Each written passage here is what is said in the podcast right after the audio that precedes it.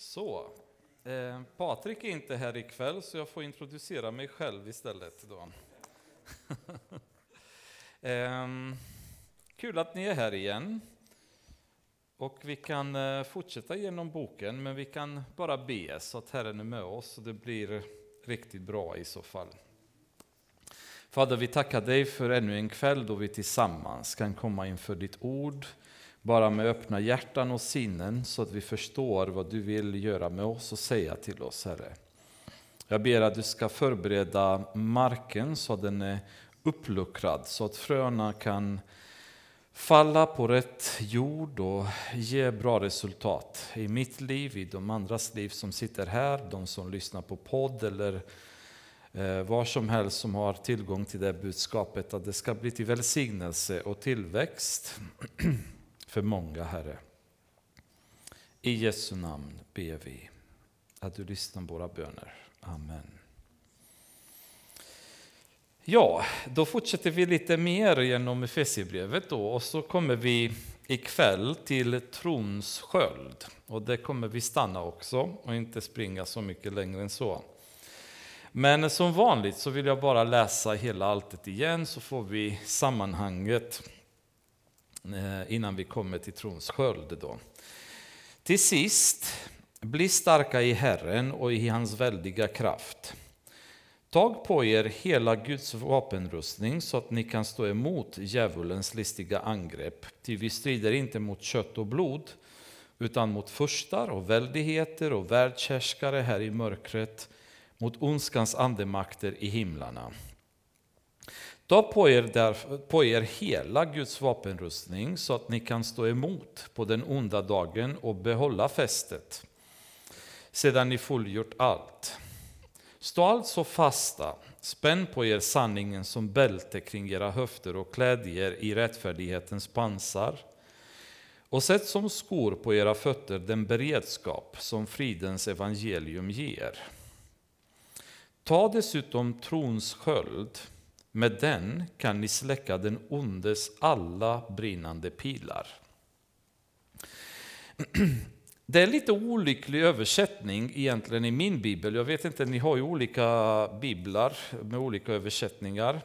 Men eh, i normala översättningen, eller ursprungliga eh, texten, så står det i vers 13 Ha på er eh, hela Guds vapenrustning. Ehm, Medan i min bibel så står det Tag på er. Ehm, och i vers 16, när vi kommer hit, så står det egentligen i ursprungliga översättningen Ovanpå allt detta, ta på er. Så, så börjar egentligen versen. I min översättning, en ganska olycklig översättning, det bara står Ta dessutom trons sköld. Medan i ursprungliga texten som står det Ovanpå allt detta, ta på er eh, trons sköld. Och jag vill betona det därför att det är lite grann meningsfullt att förstå det. Eftersom de första tre delarna av rustningen, det är delar som vi alltid ska ha på oss. Bältet, rättfärdighetens pansar och skorna. Soldaten hade dem på sig hela tiden. De sista tre delarna av rustningen är delar som soldaterna oftast tog på sig vid behov. Så eh, en soldat hade alltid på sig pansar och så skor och ehm, eh, bältet. Däremot så kunde de oftast gå utan hjälm på sig, utan hjälmen kunde de ha under armen till exempel. Och många gånger hade de inte ens skölden på sig när de befann sig i städerna eller i icke-stridssituationer där de fanns i. Um, och nu kommer vi till de här delarna eh, där Paulus säger i början, ha på er allt detta. Det här ska ni alltid, alltid ha på er. Bältet, pan, rättfärdighetens pansar och skorna, de ska alltid finnas på er. Men nu kommer vi till situationer då det krävs andra delar i rustningen som vi tillfälligt kan man säga kan plocka av men var väldigt noga med att ta på när behovet uppstår. Sen om vi går med de här på oss hela tiden, det är inte fel på något sätt. Men, eh, men det är en lite annan typ av, eh, av områden som man nu börjar beröra med de här tre sista delarna. Och det han säger här det är att vi ska ta, på oss eh, ovanpå de andra delarna då, så ska vi ta på oss trons sköld. Och som vanligt så vill jag bara stanna vid skölden så att vi förstår bilden av den romerske soldaten och vilken sköld är det han pratar om. För han dessutom går vidare och definierar och säger med den kan ni släcka den ondes alla brinnande pilar. Romerska soldaterna hade två sköldar. Den ena var en relativt liten rund sköld som de hade för närstrid när någon anföll med ett svärd så kunde man parera med den lilla skölden. Men det är inte den skölden som Paulus pratar om, utan den sköld han pratar om det är ju den effektivaste skölden som romerska armén hade utvecklat. Och som var ju bland annat nyckeln till många av deras ehm, framgångar i strid. Ehm, problemet som var, var att förr i tiden så eh, kan man säga, i vår tid, när man har en stridssituation, andra världskriget om vi tänker tillbaks där, så använder man alltid artilleriet för att mjuka upp försvar eller mjuka upp eh, anfallslinjer. När eh, de allierade anföll i Normandie eh, i flera dagar så bombarderade de först från skeppen och från flygplanen de tyska posteringarna längs med stränderna för att mjuka upp försvaret, då, för att börja skapa panik, rädsla, förstöra anläggningar och så vidare. Eh, likaså åt andra hållet när vi tittar på tyska armén som invaderade Ryssland och de hade stridsvagnarna nästan inför varje stad som de skulle in. Så först var det tyska artilleriet med kanoner och stridsvagnar som bara bombarderade, bombarderade, bombarderade för att mjuka upp linjerna. När de väl var ordentligt uppluckrade då kom infanteriet och anföll. Förr i tiden så hade man inte kanoner, men man använde sig av pilar. Så när arméerna möttes, då hade man eh, bågskyttarna som var dåtidens artilleri. Som de eh, så att säga, startade en kanonad av pilar. Och då snackade man inte den här typen av sniperpil, det vill säga att jag ser en person och jag vill skjuta just på den personen. Utan man sköt pilar och så hoppades på att de kommer landa någonstans i den här stora skaran av soldater och så träffar de någon. Men de hade utvecklat det ännu roligare och då hade de doppat pilarna i kära eller brännbart material som de sen tände eld på. Och så sköt de med de här pilarna. Och eh, historien säger att det, den typen av attacker var bland de mest fruktade attackerna. Därför att när man blev träffad av en sån pil, utöver så att säga, själva eh, smärtan av att bli träffad, så blev det att den här eh, brännbara vätskan eller käran eller materialet som det var, spred sig omedelbart på kroppen, vilket blev att eh, soldaterna Eh, sprang som brinnande facklor då kan man säga. Och eftersom de var oftast ganska tätt in på varandra också i sina kolonner så kunde man starta riktiga eldar bland människorna då. Och det var en väldigt hemskt sätt att bli träffad på och väldigt hatad av soldaterna då. För att förhindra detta så utvecklade romarna en ny typ av sköld som eh, det varierar lite grann. En del säger att det var ungefär en och en halv meter hög. De flesta är överens om att det var ungefär 1,20 hög och cirka 75 centimeter bred. Och det var en sköld som var byggd i, i trä. Och sen på utsidan så hade de plåt och oftast ovanpå plåten så kunde de ha eh, läder som var impregnerad i en vätska som motverkade tändningen. Så att var effektiv helt enkelt till att släcka elden från de här pilarna när de träffade skölden och kunde inte sprida sig för det fanns inget antändligt på, på själva skölden. Så det sättet som de använde det, då, det är att när de avancerade som armé så satte de fram första linjerna, satte sköldarna framför sig de andra linjerna byggde på sen ovanpå, så de, de avancerade som under ett enormt tak. Och då kom alla de här pilarna och föll ovanpå, men de kunde inte tränga igenom, för de höll alla de här sköldarna, så avancerade de under skölden. Eh, och på så vis var immuna mot de här väldigt hemska attackerna. Då. Ehm, det intressanta som är, det är att se hur den här skölden, för jag tills idag faktiskt har aldrig förstått exakt hur den här skölden användes. Ehm, det visar sig att den här skölden, framförallt de som var i frontlinjerna, eller när de anföll individuellt, för det kunde hända att man var inte i grupp, utan man var själv och någon sköt mot den och kunde man gömma sig bakom skölden. De här sköldarna var rätt tunga. Eftersom det var som sagt trä och sen var det lite plåt och sen var det lite läder på, så de vägde ganska mycket. Ehm, men romarna hade utvecklat ett väldigt smart system där de hakade fast sköldarna i bältet. Och det är det som är det så fantastiskt vackra analogin som vi kommer få i bibelstudiet idag. Ehm, för att om vi kommer ihåg, vad var bältet? Det var Guds ord.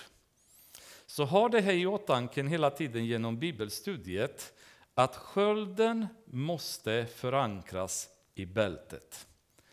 För att om de inte gjorde det och höll det bara för hand, efter en relativt kort stund i striden, då var de för trötta och orkade inte hålla skölden kvar. För att kunna orka hålla, hålla skölden kvar så var de tvungna att haka fast skölden i bältet.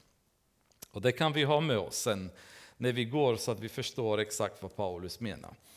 Men eh, så att säga, syftet med hela det här systemet det var som sagt inte för att motverka närstrid, det vill säga svärdslag, utan för att undvika den här kanonaden av pilar som sköts av fienden.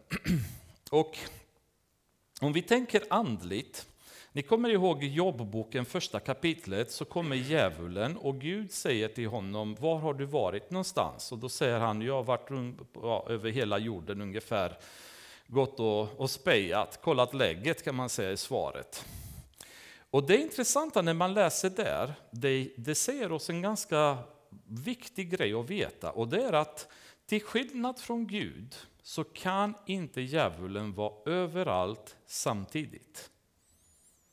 Han har inte Guds möjlighet eller Guds förmåga att veta allt och att befinna sig överallt samtidigt och se allt samtidigt. Vilket innebär att djävulen använder sig av sina demoniska arméer för att sprida dem över hela världen då och inleda människor i frestelser och skapa panik bland människor och kristna. Då. Och dessa i sin tur har inte heller en förmåga att befinna sig överallt samtidigt. Så de kommer väldigt många gånger eh, rikta väldigt enskilda attacker mot oss som enskilda individer. Men allt som oftast så kommer de göra precis som de här arméerna, de kommer skjuta kanonader av pilar på måfå. Det vill säga ösa eh, frestelser, syndframkallande möjligheter och så vidare i våra samhällen, i våra församlingar, i våra liv i hopp om att någon av dem kanske träffar oss.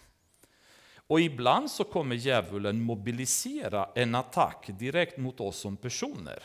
När han har något otalt med oss eller när vi börjar bli ett problem för honom eller ryktet går om oss att den här personen måste få ordentligt med stryk för de är för aggressiva för Gud, de är för starkt troende, de ber för mycket, de är för viktiga för församlingarna och så vidare. Då mobiliserar han en, en armé för att kunna ta hand om det fallet. Men väldigt många gånger så vad djävulen gör, det är att han sprider ondskan runt om i världen i hopp om att detta kommer träffa personer som befinner sig i vägen för det.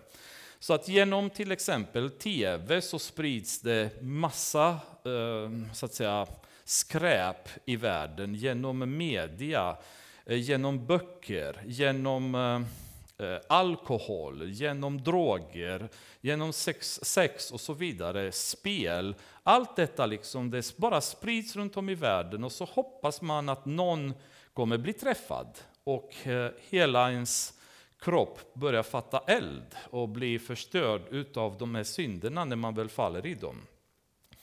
Så det vi är, det, det vi är som en armé som vi avancerar för Guds rike och vi måste hela tiden avancera genom den här kanonaden av brinnande pilar som hela tiden kontinuerligt skjuts mot oss då, i hopp om att det kommer träffa någon. Det som är också intressant med den här skölden det är att det kunde användas individuellt, det vill säga jag kan mycket väl använda det bara för mig själv när jag befinner mig i en strid. Men lite grann tanken med det också, det, det användes oftast kollektivt. Det vill säga när en grupp soldater använde det tillsammans, då kunde de skydda varandra på, ah, på mycket bättre sätt eftersom sidorna, baksidan, framsidan, ovansidan var alla täckta med sköldar. Då kunde de avancera tillsammans. Vilket också kan vara intressant för oss då att hålla i tanken igen hur viktigt det är för oss som församling att vi jobbar tillsammans och att vi är utrustade också allihopa. För vad händer när några i den här gruppen inte tar upp skölden? Utan de håller ner det eller inte har någon sköld överhuvudtaget. I den luckan kommer elden börja brinna och sprida sig runt om i resten av gruppen. Och därför säger Paulus, liksom det är så viktigt, ta på er hela Guds rustning. För om ni inte gör det, då finns det de här luckorna som djävulen kommer nyttja och där kommer elden börja brinna. Där kommer liv bli förstörda då i processen. Ehm, det är också intressant att ehm, de här pilarna, eh, det de räddade, var mest rädda för, det var just de här brinnande pilarna, inte de vanliga pilarna då, eftersom en vanlig pil kunde man lättare bli skadad och överleva, eller det har gjort lite ont. Det fanns bara vissa vitala organ som man dog av en träff. Då. Men de här brinnande pilarna var mycket sämre då, därför att de spred sig så mycket och förstörde så mycket. Då. Och då är det frågan, vilka pilar är det som djävulen använder sig utav i våra liv? Då? Och det finns säkert en arsenal av sådana pilar som man använder sig utav. Men om vi tänker på de pilar som skapar mest förödelse, både i våra liv och i kyrkornas liv, så finns det, verkar det som, några favoriter som djävulen oftast använder sig utav. Och en, en klassiker är tvivel. Ehm, en annan så kan det vara eh, omoraliska eller oanständiga tankar som man drabbas utav. Hat. Eh, avund det är sådana klassiska pilar som om man tänker på, på ens egna liv och församlingens liv så är de här pilarna som har orsakat väldigt, väldigt mycket problem.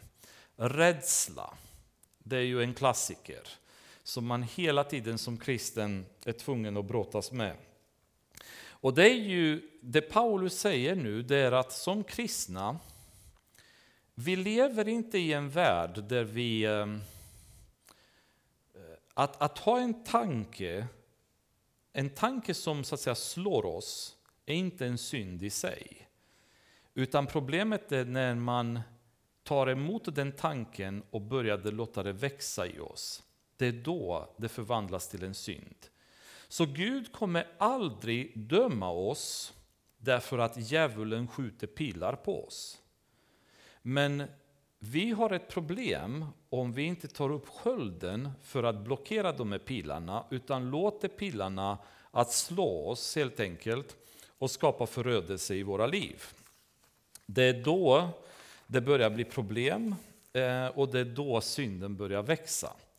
Och man tänker många gånger ehm, på oss i församlingen då. Gillar vi alla i kyrkan? Troligen inte, skulle jag gissa, om vi är mänskliga.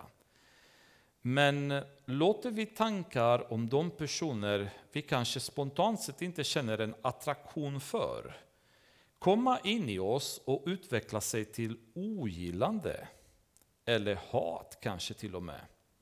Eller blockerar vi dem direkt i början och ber till Herren att ta bort de tankarna från oss och istället välsigna de människorna som vi spontant kanske känner en ogillande kring. Någon som kanske vi tycker har varit otrevlig mot oss, har gjort oss något ont kanske till och med. Det är väldigt lätt att vi börjar älta de personerna. Speciellt när vi har haft rätt och de har haft fel. Det är nästan det värsta. Ibland så har vi gjort fel och de har rätt och vi blir sura i alla fall, vilket vi bör aldrig bli. Men eh, det blir ännu värre när vi vet att vi har gjort rätt och någon falskanklagar oss eller beter sig på ett otrevligt sätt gentemot oss.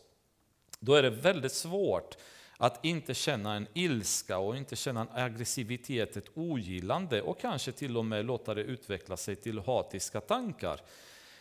Och det Paulus säger, det är att i den stunden, ta upp skölden. Blockera den här pilen, låt inte fortsätta att träffa dig. Den är på väg till dig. Den är riktad mot dig, men ta upp skölden. När du har tagit upp skölden, då har du släckt den pilen. Då går du vidare. Och, och likaså om vi tänker på avundsjuka till exempel, som är väldigt vanligt, tror jag, även bland kristna och i, i världen utanför. Faktum är att avundsjuka är så extremt förgrenad i vårt samhälle och mänskliga sättet att tänka, så det är ibland väldigt svårt att till och med identifiera. Och vi kan ju vara avundsjuka på bara enkla saker, att någon har en finare bil än jag, eller eh, Eh, någon har en, eh, inte vet jag, trevligare jobb än jag, eller någon är lite rikare, eller någon är lite snyggare, eller vad som helst. Då. Men i vårt samhälle kan man säga så har avundsjukan slått så otroligt starka rötter genom vårt socialdemokratiska sätt att tänka. Hela socialdemokratins och Vänsterpartiets tanke det är att jag har rätt att kräva från de rika någonting därför att de har för mycket. Så de måste ge mig. Jag ogillar det faktum att någon är rikare än mig. Jag vill ha hans pengar. Jag vill ha det han har arbetat för. Då. Och Det är ganska perverst sätt, därför att avund är en av tio budorden som är angivet att vi ska inte känna avund och vi ska inte eftersträva ha vår närmastes eh, egendomar, vare sig fru eller eh, det de äger eller vad som helst. Men hela vårt samhälle är byggt på det sättet. Att vi, vi till och med har rätt att inte kräva att till och med gå och ta från någon annans arbete och säga det här vill jag ha.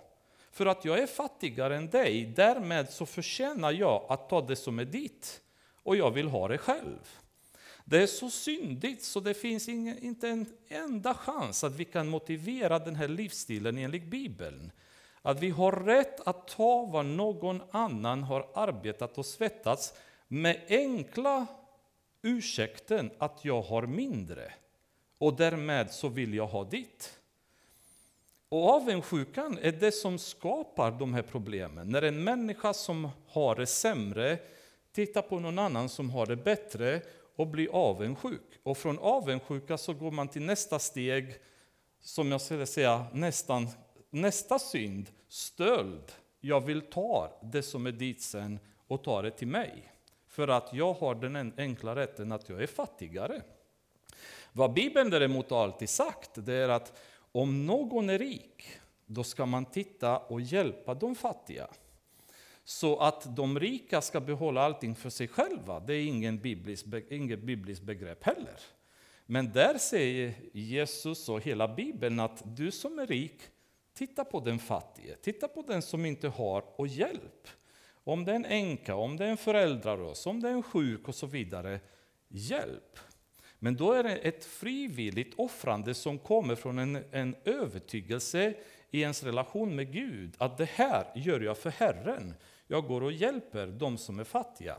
De fattiga har ingen rätt att på ett avundsjukt sätt komma och beröva någon rik bara för att jag är fattig. Så jag har alltid ifrågasatt det här systemet och jag kan inte se något bibliskt sätt att leva på det sättet. Men hela vårt samhälle är byggt på den grunden. Det vill säga, vad vi har gjort i vårt samhälle, vi har legaliserat avundsjuka. Och därför även som kristna har vi så svårt att ta itu med det i våra liv därför att vi är uppväxta med det här tankesättet. Att det är helt okej okay att eftersträva någon annans sak. Att jag vill vara vad någon annan är. Jag vill ha vad någon annan har. Jag vill uppnå vad någon annan har uppnått och så vidare. Istället för att säga vad är Guds vilja för mitt liv? Så kommer avundsjuka.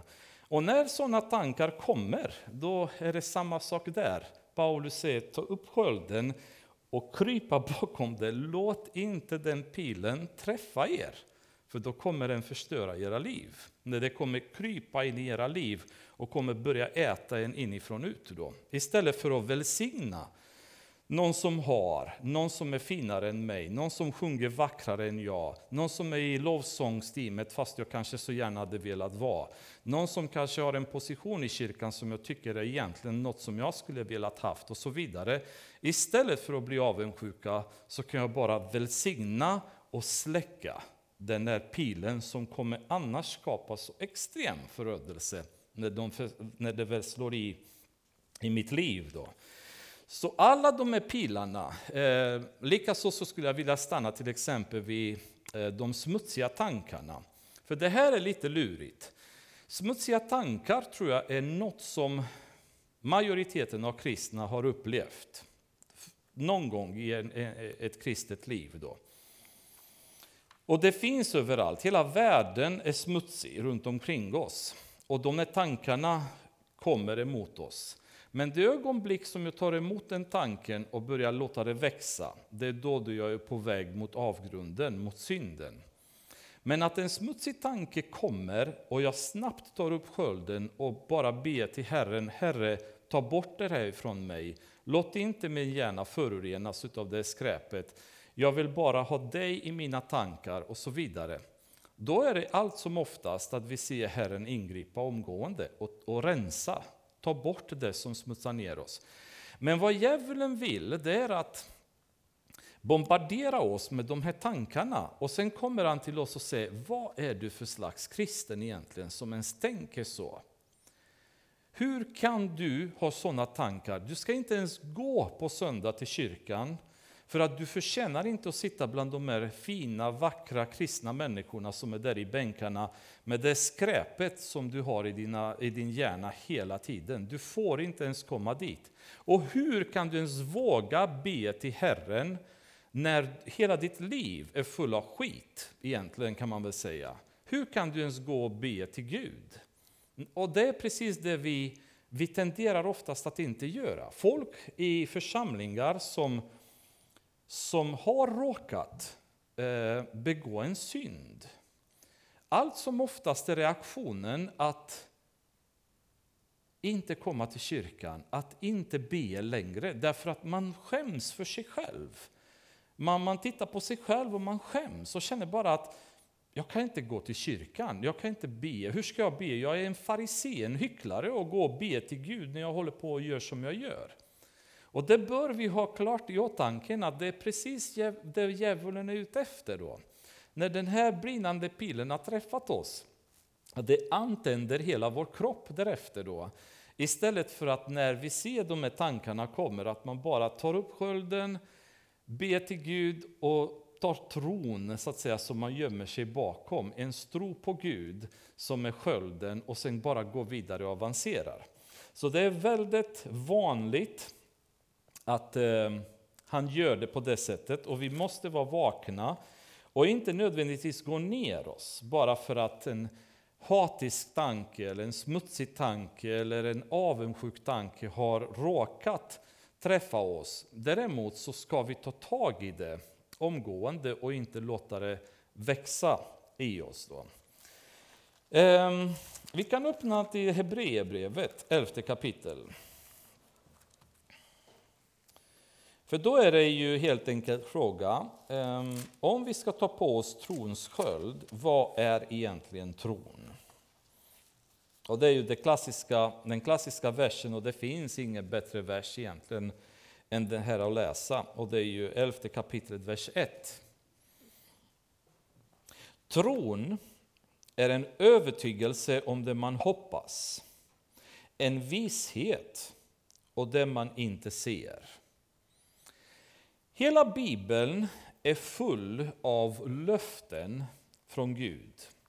Ehm, den är full av um, löften om framtiden, om löften om nutid. Där Gud säger att jag kommer alltid ta hand om er. Jag kommer alltid förse er. Jag kommer alltid vara den som är er Gud. Ni är mina barn. Jag har förberett ett, ett hem för er i himlen, säger Jesus, så att ni kan vara med mig när ni kommer dit. Eh, löften på löften på löften på löften. Men när striden blir väldigt intensiv och när de här pilarna bara faller i tusentalet, även om vi håller den här skölden uppe, så tenderar vi efter ett tag att börja vackla och undra om det här ens kommer funka. I den här kanonaden av eld som kommer över oss, så kan en del av oss börja tvivla och kanske vill fly eller vill kanske göra något annat istället för att bara stå fast och hålla skölden och veta att Gud har lovat, han har sagt då.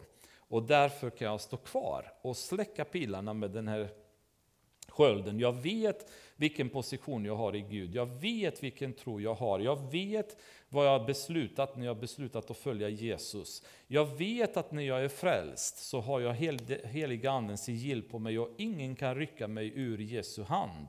Jag vet att han hjälper mig när det är jobbigt. Jag vet att han bär mig när det blir tungt. Alla dessa är löften som Gud har gett oss.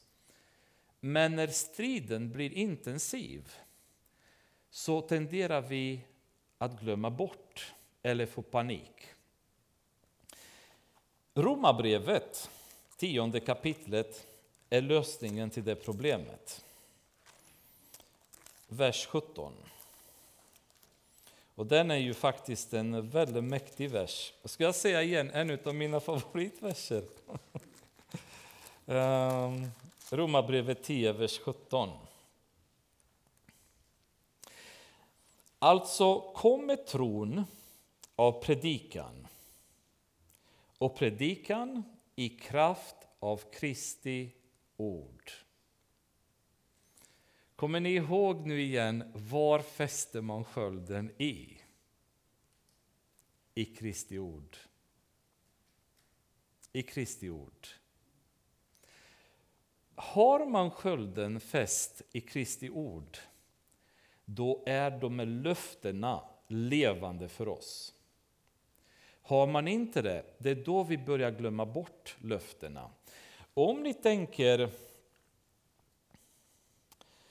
um,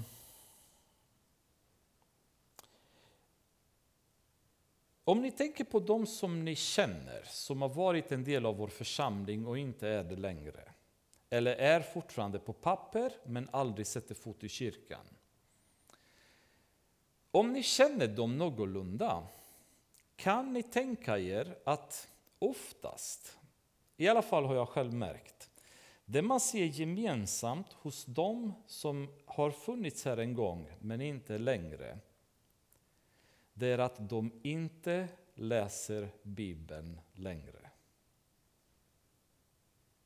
Det börjar oftast med det och det slutar oftast med det.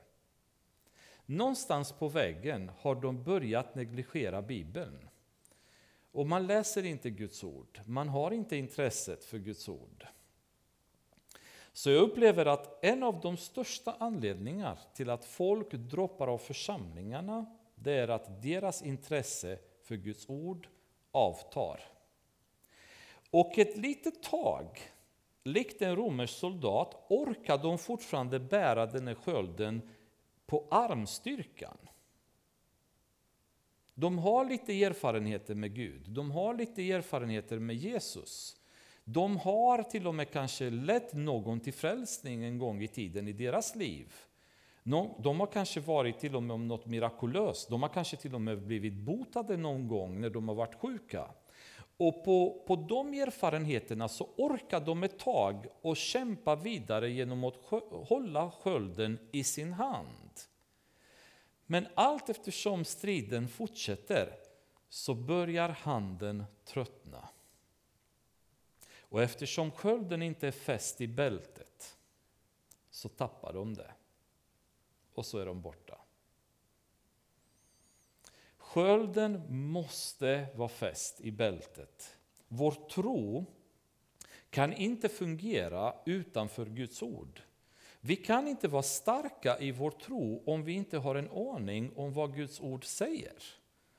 Vi kan inte leva med vår tro på grund av att vi har läst en bok om Levi Petrus, om vad han har gjort i tron.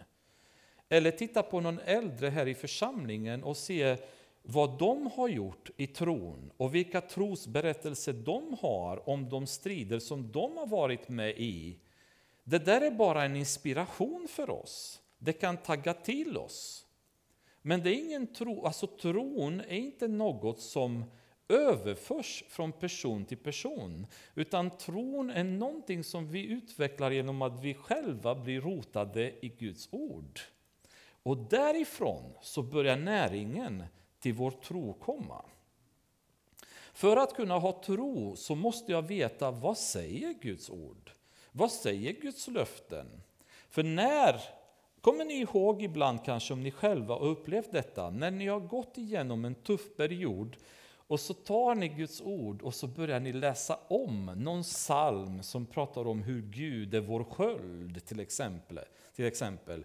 Är det något löfte som Gud har gett oss? Och hur man bara känner, liksom, nu, har jag fått, nu har jag fått styrka, nu kan jag gå igenom det här. Det är tron.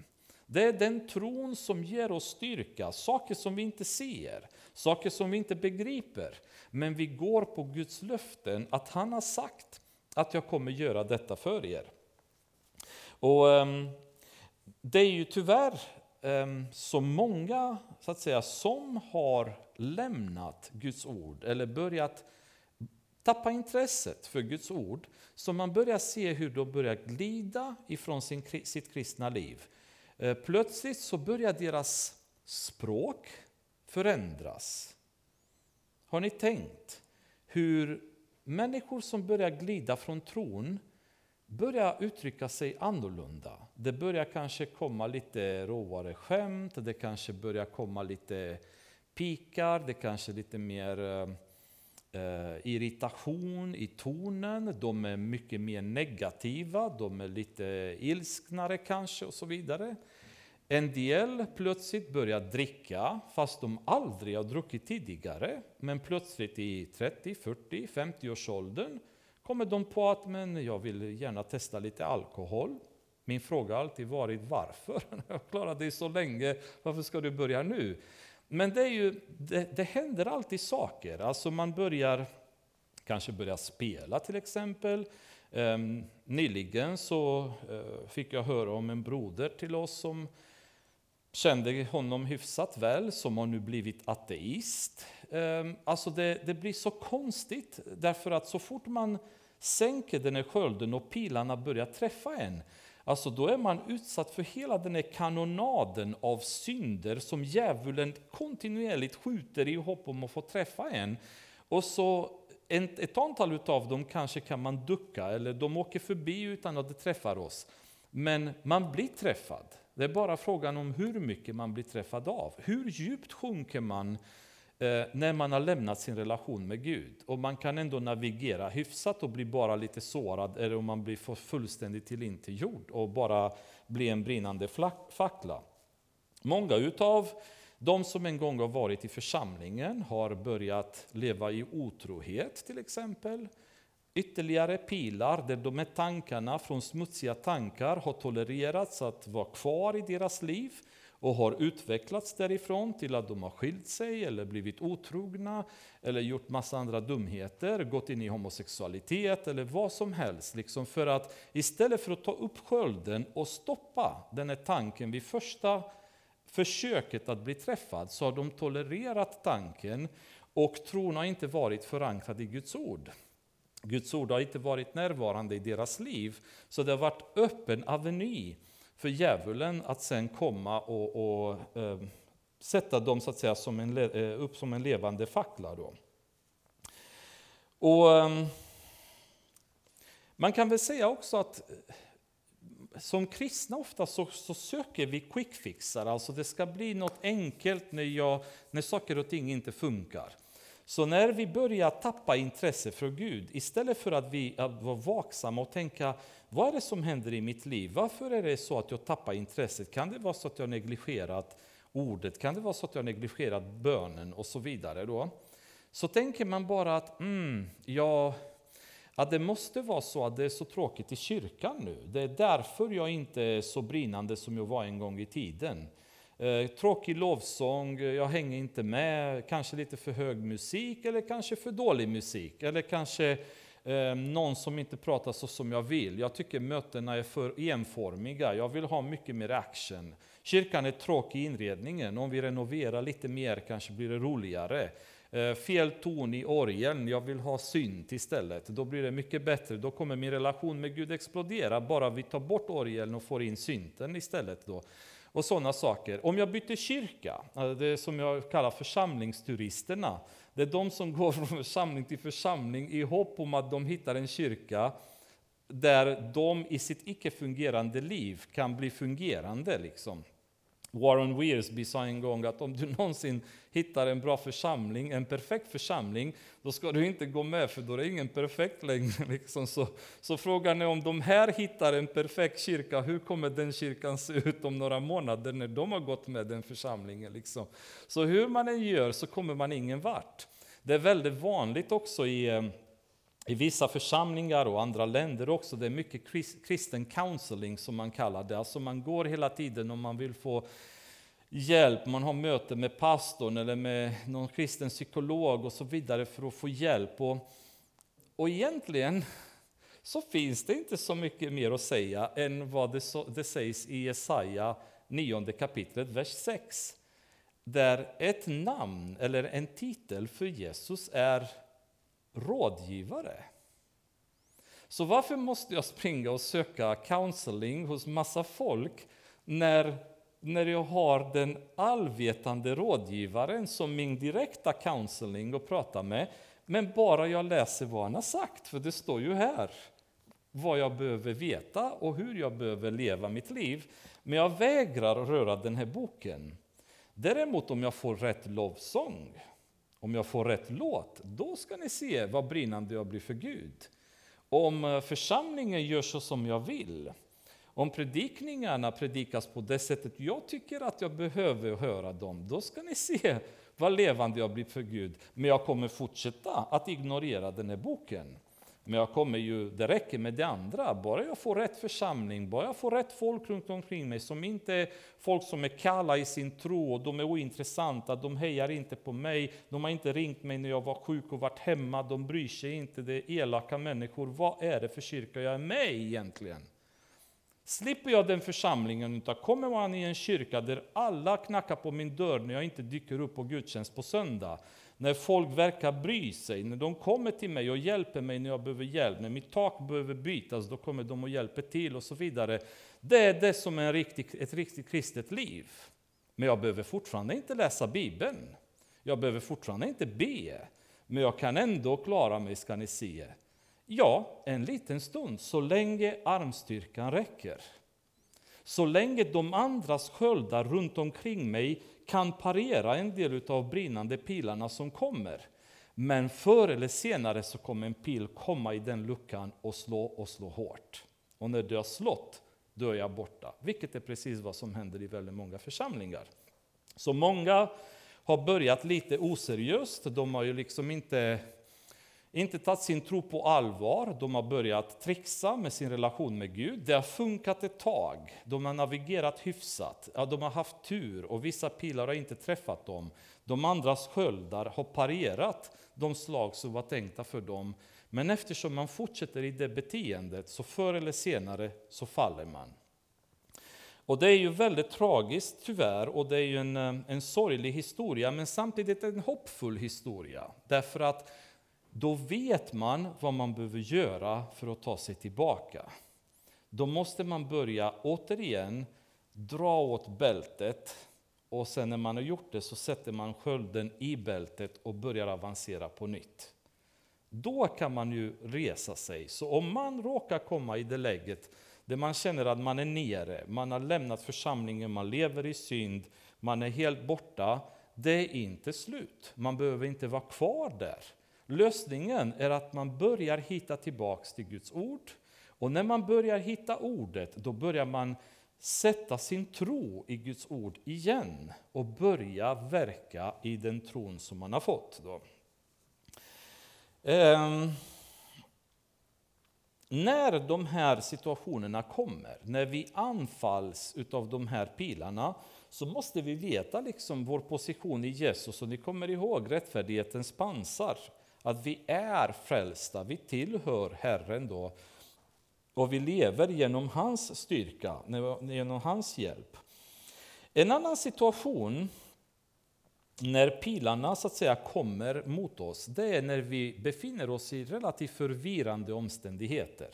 Alltså vi hamnar i situationer i våra liv där vi känner att um, vi får inte svar på bönerna. Alltså vi ber och ber men känner inte riktigt att vi tränger igenom, vi kommer ingen vart. Vi känner oss lite grann vilsna eh, vi vet inte åt vilket håll ska vi gå. Vad vill Gud med våra liv? Prövningarna är rätt hårda dessutom, visade sig. Och, och vi har det väldigt, väldigt tufft. Och i de situationerna så, de här är ju så att säga stunder då djävulens brinnande pilar säger till oss, Gud bryr sig inte om dig. Du ber, du läser Bibeln, du försöker, du kämpar och du är fortsatt sjuk. Du har det fortsatt jobbigt, du är fortsatt arbetslös, dina relationer är fortfarande paj, dina barn vill fortfarande inte prata med dig, eller dina barn som du har bett för är fortfarande inte frälsta, eller dina släktingar eller dina grannar som du har brunnit så för, det är fortfarande, de händer, det händer ingenting med dem. Det händer absolut ingenting. Ditt liv kommer ingen vart och allt du gör funkar inte därför att Gud tänker inte ett, svara på dina böner, två, bryr sig inte ens om dig. Det är en klassisk pil som förstör väldigt många kristnas liv och tar bort entusiasmen och stridslusten som man har som kristen. Då. Paulus har själv upplevt detta. Och det är lite roligt när man får läsa det, för då känner man bara, som Petrus säger, när ni går igenom problem så, så trösta er med att veta att alla era bröder runt omkring i världen går igenom samma sak. Så du är inte ensam om det, säger Petrus. Så om vi läser andra Korintierbrevet, 12 eh, kapitel, där, eh, där har Paulus, vers 8, eh, andra Korintierbrevet 12 kapitel, vers 8, Paulus eh, hade något som man kallade för en, en, eh, en törntagg i sitt kött. Och vad detta innebar, det, det, bara spekuleras fram och tillbaka, jag tänker inte gå in på det då. Men det var någonting som var ett stort problem i hans liv i alla fall, då, vad det nu det var. Och han, han säger där att han hade bett till Gud tre gånger att, eh, att Gud ska ta bort den här törntaggen. Men då får han ett mycket märkligt svar från Gud. Och då säger Gud till honom, min nåd är nog för dig. Jaha. eh, Livets ord säger att om jag är sjuk och ber att jag ska bli frisk, då kommer jag bli frisk. Eller hur? Om jag har pengaproblem och jag ber att Gud ska ge mig pengar, så säger Prosperity Movement att Gud kommer ge mig pengar. Och allt jag ber Gud att göra så kommer han att göra. Och Paulus, som en, eh, en, så att säga, en megakristen jämfört med vad jag är, han ber tre gånger till Gud. Och Gud säger, nej, min nåd räcker för dig. Vilket svar! För det går emot allt som västerländsk teologi undervisar oss idag. Det är att varenda gång det är jobbigt så går jag bara till Gud så löses det. Det är inga problem. Jag ska inte behöva vara sjuk, jag ska inte behöva ha pengarnöd, jag ska inte behöva några som helst problem. Gud löser allt. Och det gör han väldigt mycket. Men det finns de situationerna där utav någon anledning så säger Gud, i det här läget är min nåd tillräckligt för dig. Jag tänker inte göra mer. Jobb har gått igenom detta och fick erfara själv vad det innebar att, vara, att uppleva Guds nåd. För att i femte Moseboken, eh, 31 kapitel, vers 6, då står det så här. Till Herren din Gud går själv med dig. Han skall inte lämna dig eller överge dig. Vers 8 står det, Herren går själv framför dig och han skall vara med dig.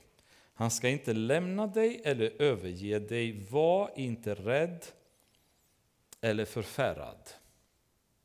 Så när de här pilarna kommer, som får mig att tveka över Guds eh, nåd gentemot mig, över Guds vilja att lyssna på mina böner, eller Guds vilja att hjälpa mig då ska jag ta upp den här trons sköld och bara känna, jag kan inte förstå det här, men Guds nåd räcker för mig. Om man vill att jag ska bli frisk, amen. Om man vill att jag ska ha eh, mer pengar än det jag har idag, eller leva ännu finare liv än det jag har idag, undersuperbart. Men Guds nåd räcker. Guds nåd räcker. Och när vi har den här inställningen, hur i hela friden kan djävulen skjuta någon brinnande pil på mig? När jag känner bara, jag bryr mig inte hur jag lever. Jag bryr mig inte om jag har eller inte har, om jag är sjuk eller om jag är frisk. Guds nåd räcker för mig. Det är därför för mig många gånger när jag bett om saker som jag tyckt att jag behövt, så har jag alltid haft som regel att avsluta på Jesus sätt i Getsemani, men inte min vilja, men din vilja ske. Jag har ingen aning vad som är bra för mig. Jag vet bara, jag, jag vet bara vad jag vill ha, vad jag vill vara, hur jag vill vara, hur frisk jag ska vara, hur snygg jag ska vara, hur smal jag ska vara eller vad som helst. Men jag vet inte vad som är bra för mig. Och därför så vill jag säga Guds vilja ske. För i grunden Hans nåd räcker. Mer behöver jag inte. Allt annat är bara ett bonus som jag får från Gud. Och har man den här inställningen så är man väldigt, väldigt svår att träffa av en brinnande pil. Alltså, och få djävulen få en kristen att tveka över Guds godhet och nåd när man har den här standardinställningen. Jag bryr mig inte, Guds nåd räcker för mig. Vad kan man göra mot en sån person? Det blir en en supermaskin för Gud kan man väl säga i strid. Jag vill läsa en, eh,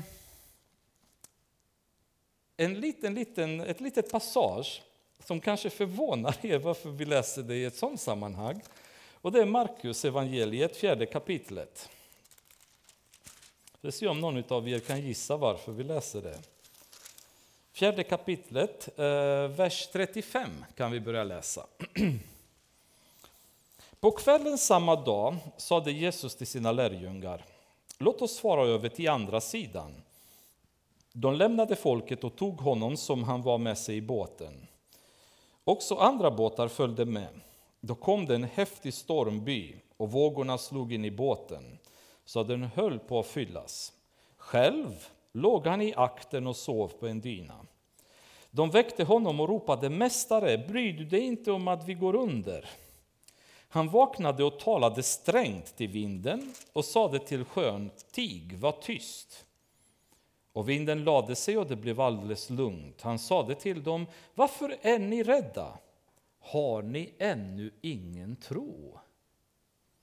Då greps de av stor fruktan och sade till varandra, vem är han? Eftersom både vinden och sjön lyder honom.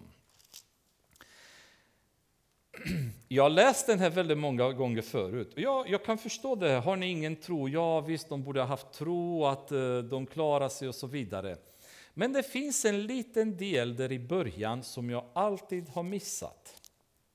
På kvällen, vers 35, samma dag sade Jesus till sina lärjungar, låt oss fara över till andra sidan. Med andra ord berättar Jesus för dem redan, vi kommer att fara över till andra sidan.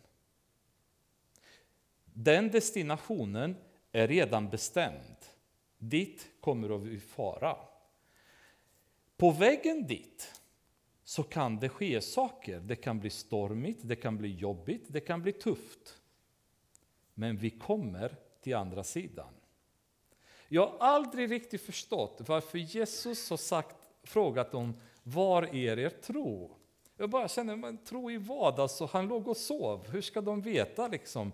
Men han hade talat om för dem, låt oss gå över till andra sidan. Och med Jesus i båten, hur kan jag inte komma till andra sidan? Hur är det möjligt att jag inte kommer till andra sidan? Hur är det möjligt att när mina problem känns så stora så att jag tror att jag drunknar, hur tror jag att jag kommer drunkna om jag sitter i båten med Jesus? Var är min tro då i så fall? Var är den där skölden som jag ska lägga mig under och veta att Jesus hjälper mig för att han har lovat? Och hans löfte är sann.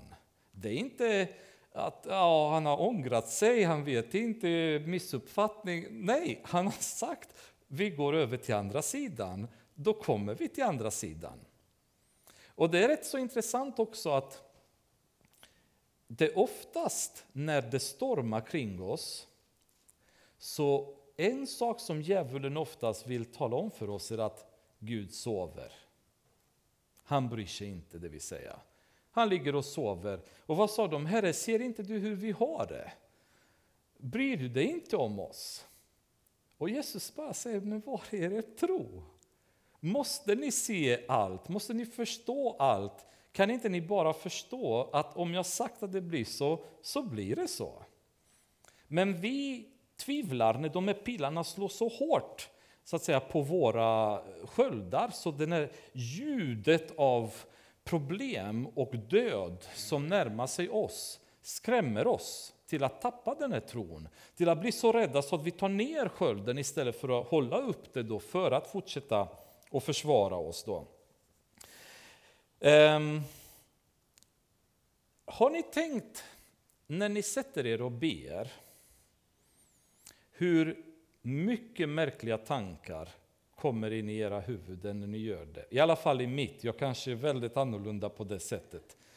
Men det kan komma smutsiga tankar, det kan komma tankar om, om arg, alltså jag kan bli arg och, om på någon kund som jag pratat med i telefonen som har irriterat mig dagen innan eller något sånt där. Jag kan be för församlingen ibland och medan jag ber för församlingen så ploppar det upp någon i församlingen som jag bara känner ogillande och irritation kring. Ehm, alltså det är som ett brev på posten. Och så sitter man där och bara känner, man försöker att be och så bara, oh, det, det är storm i skallen på en. Och till slut, vad händer? Nej, jag kan inte be, jag går upp. Vad händer när ni går upp? Då är tankarna borta. Har ni tänkt på det? När ni ber, då är ni bombarderade med tankarna där. När ni har gett upp, när ni har dragit ner skölden, och ni har förlorat den här striden, ni har tagit emot den här pilen och ni går upp, så är djävulen nästan som att fine, jag låter dig gå för att du har förlorat redan. Du har stoppat bönen. Du har inte gått till kyrkan idag. Har ni någonsin varit med om det, eller har det bara hänt hos mig? Att, var, att inte varje söndag, men när ni ska till kyrkan på söndag, så inträffar just då någonting som gör att make och maka eller barn och föräldrar går in i en diskussion så att man blir sur på varandra och kommer nästan genom kyrkan när man bara slår igen dörren när man kommer in i kyrkan. Har det hänt er någon gång? Min pappa brukade säga djävulen är alltid vaken innan vi ska till kyrkan. För att det, fanns, det var som ett brev på posten varenda söndag vi skulle till kyrkan, då började han och min mamma bråka. Så att vi var tvungna att gå till kyrka på dåligt humör. Tror ni att det här är en tillfällighet? Eller tror ni att det är de här brinnande pilarna, kanonaden av brinnande pilar som kommer ständigt på oss, som ska få oss att tappa greppet?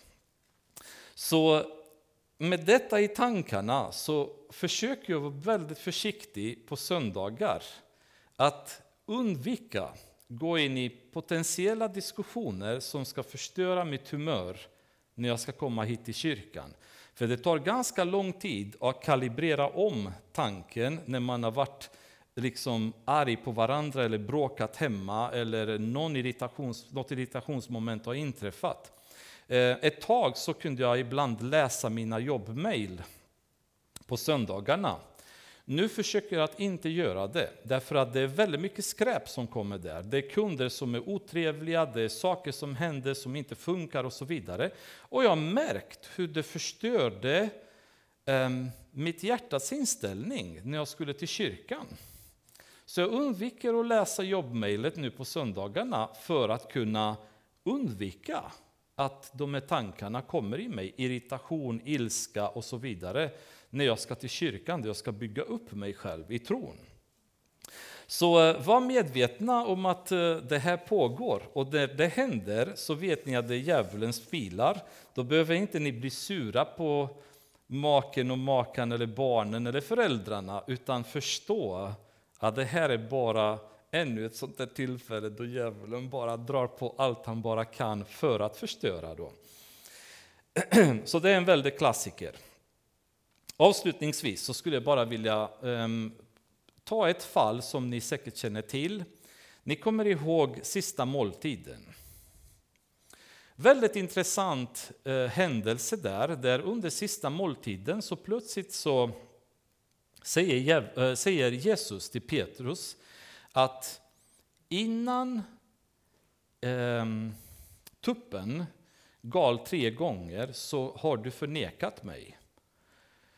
Och Petrus säger, Herre, det finns inte en chans. Du känner inte mig, jag gör inte så. Ehm, jag håller inte på med sånt där, jag är dig trogen. Du vet hur mycket jag älskar dig, ungefär. Den typen av respons ger Petrus. Och det är ju ganska dumt på flera olika sätt. För, för det första, om Jesus säger en sak, då kan du inte säga Herre, du har inte koll. Han har ju full koll. Liksom. Så säger han att du kommer förneka mig tre gånger, då vet han varför han säger det. Men Petrus är för självsäker och kanske lite högmodig, jag vet inte. Och säger bara, det finns inte en chans, jag tänker inte göra så. Det, det Jesus försöker där, det är att skicka en varning till honom. Vad Petrus egentligen skulle ha gjort då och skulle ha sagt, oj, Herre, det vill jag inte göra. Hur ska jag undvika det? Vad ska jag göra för att jag inte ska hamna i det läget? Hur ska jag tänka i så fall? Och då kanske hade de gått in i en diskussion där Jesus kunde ha sagt så här och så här kommer hända, tänk på att inte göra det så.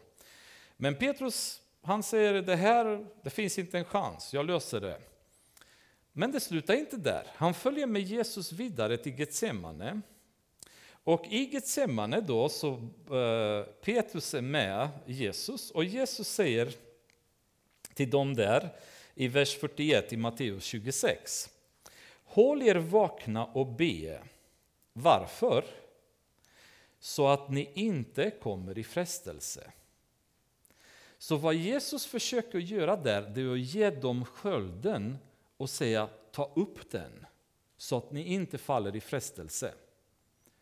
Men vad gjorde Petrus? Han somnade. Två gånger till och med gjorde han det. Fast Jesus väckte honom en gång så slumrade han till igen. Så två gånger den kvällen försöker Jesus att ge honom skölden och säga Petrus, ta upp den. För det kommer bli tufft. Djävulen kommer attackera dig, var beredd.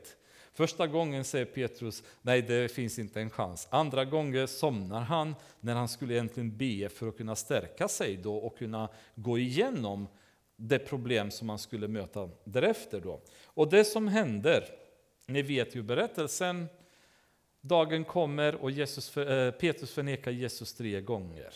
Därför att han glömde att ta upp skölden när anfallet kom. Och det är ju hela poängen med trons sköld, det är att när anfallet kommer, då tar vi upp det.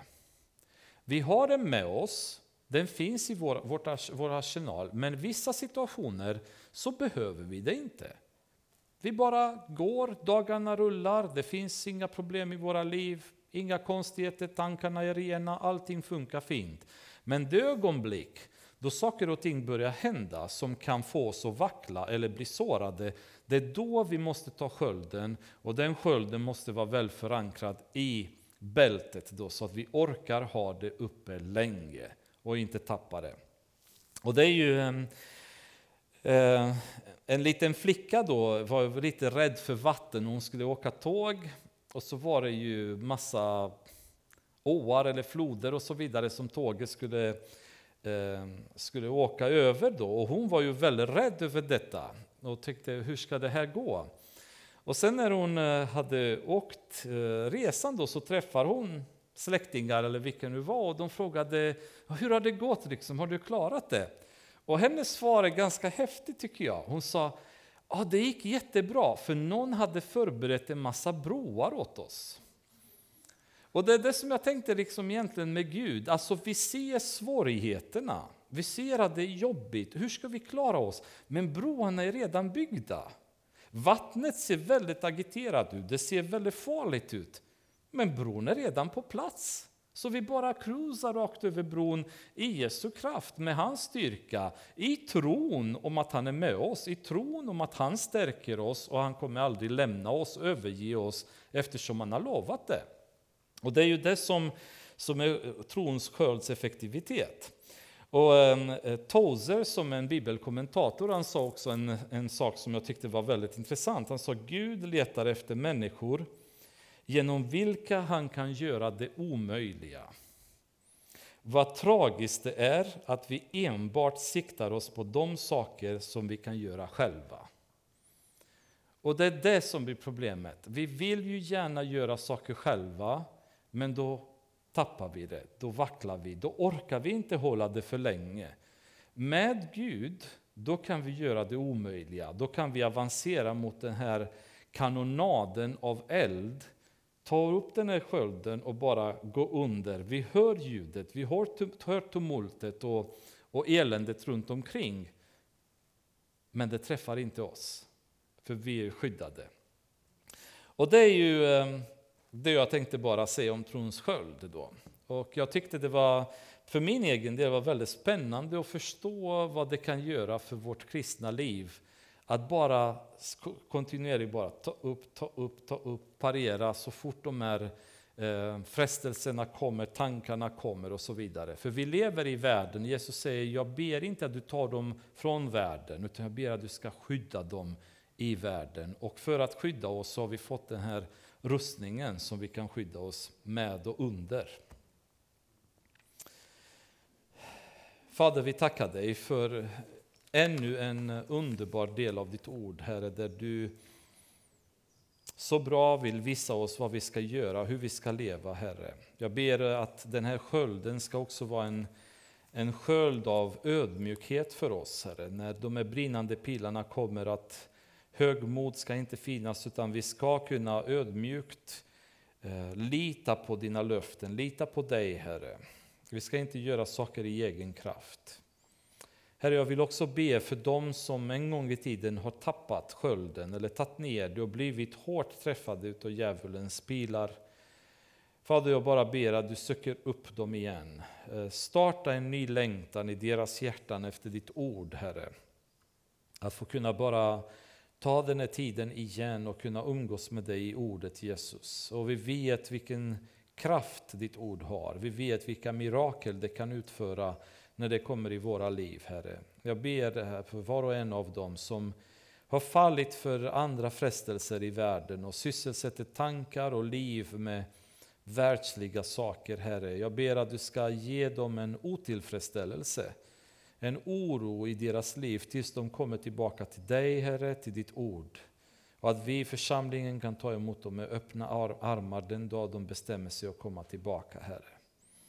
Jag ber att du ska valla hit alla de får som har gått förlorade, alla som är skadade i buskar, Herre. Om det är något som vi kan göra på vägen för att de ska komma tillbaka så ber jag att du ger oss vishet och styrka och mycket kärlek, Herre. Så att det blir gjort så som du vill att vi ska göra. Välsigna dem, Herre, och låt dem inte fortsätta som de gör. Jag ber för oss alla andra, Herre, att du ska stärka oss, verkligen, mig och alla andra som är här. Eh, hjälp våra tankar att vara skyddade av din sköld, Herre. Att tron ska alltid vara med oss och aldrig få låta oss backa. För vi vet att utan tro så kan vi inte glädja dig, Herre. Vi prisar dig. Vi ber allt detta i Jesu namn. Amen.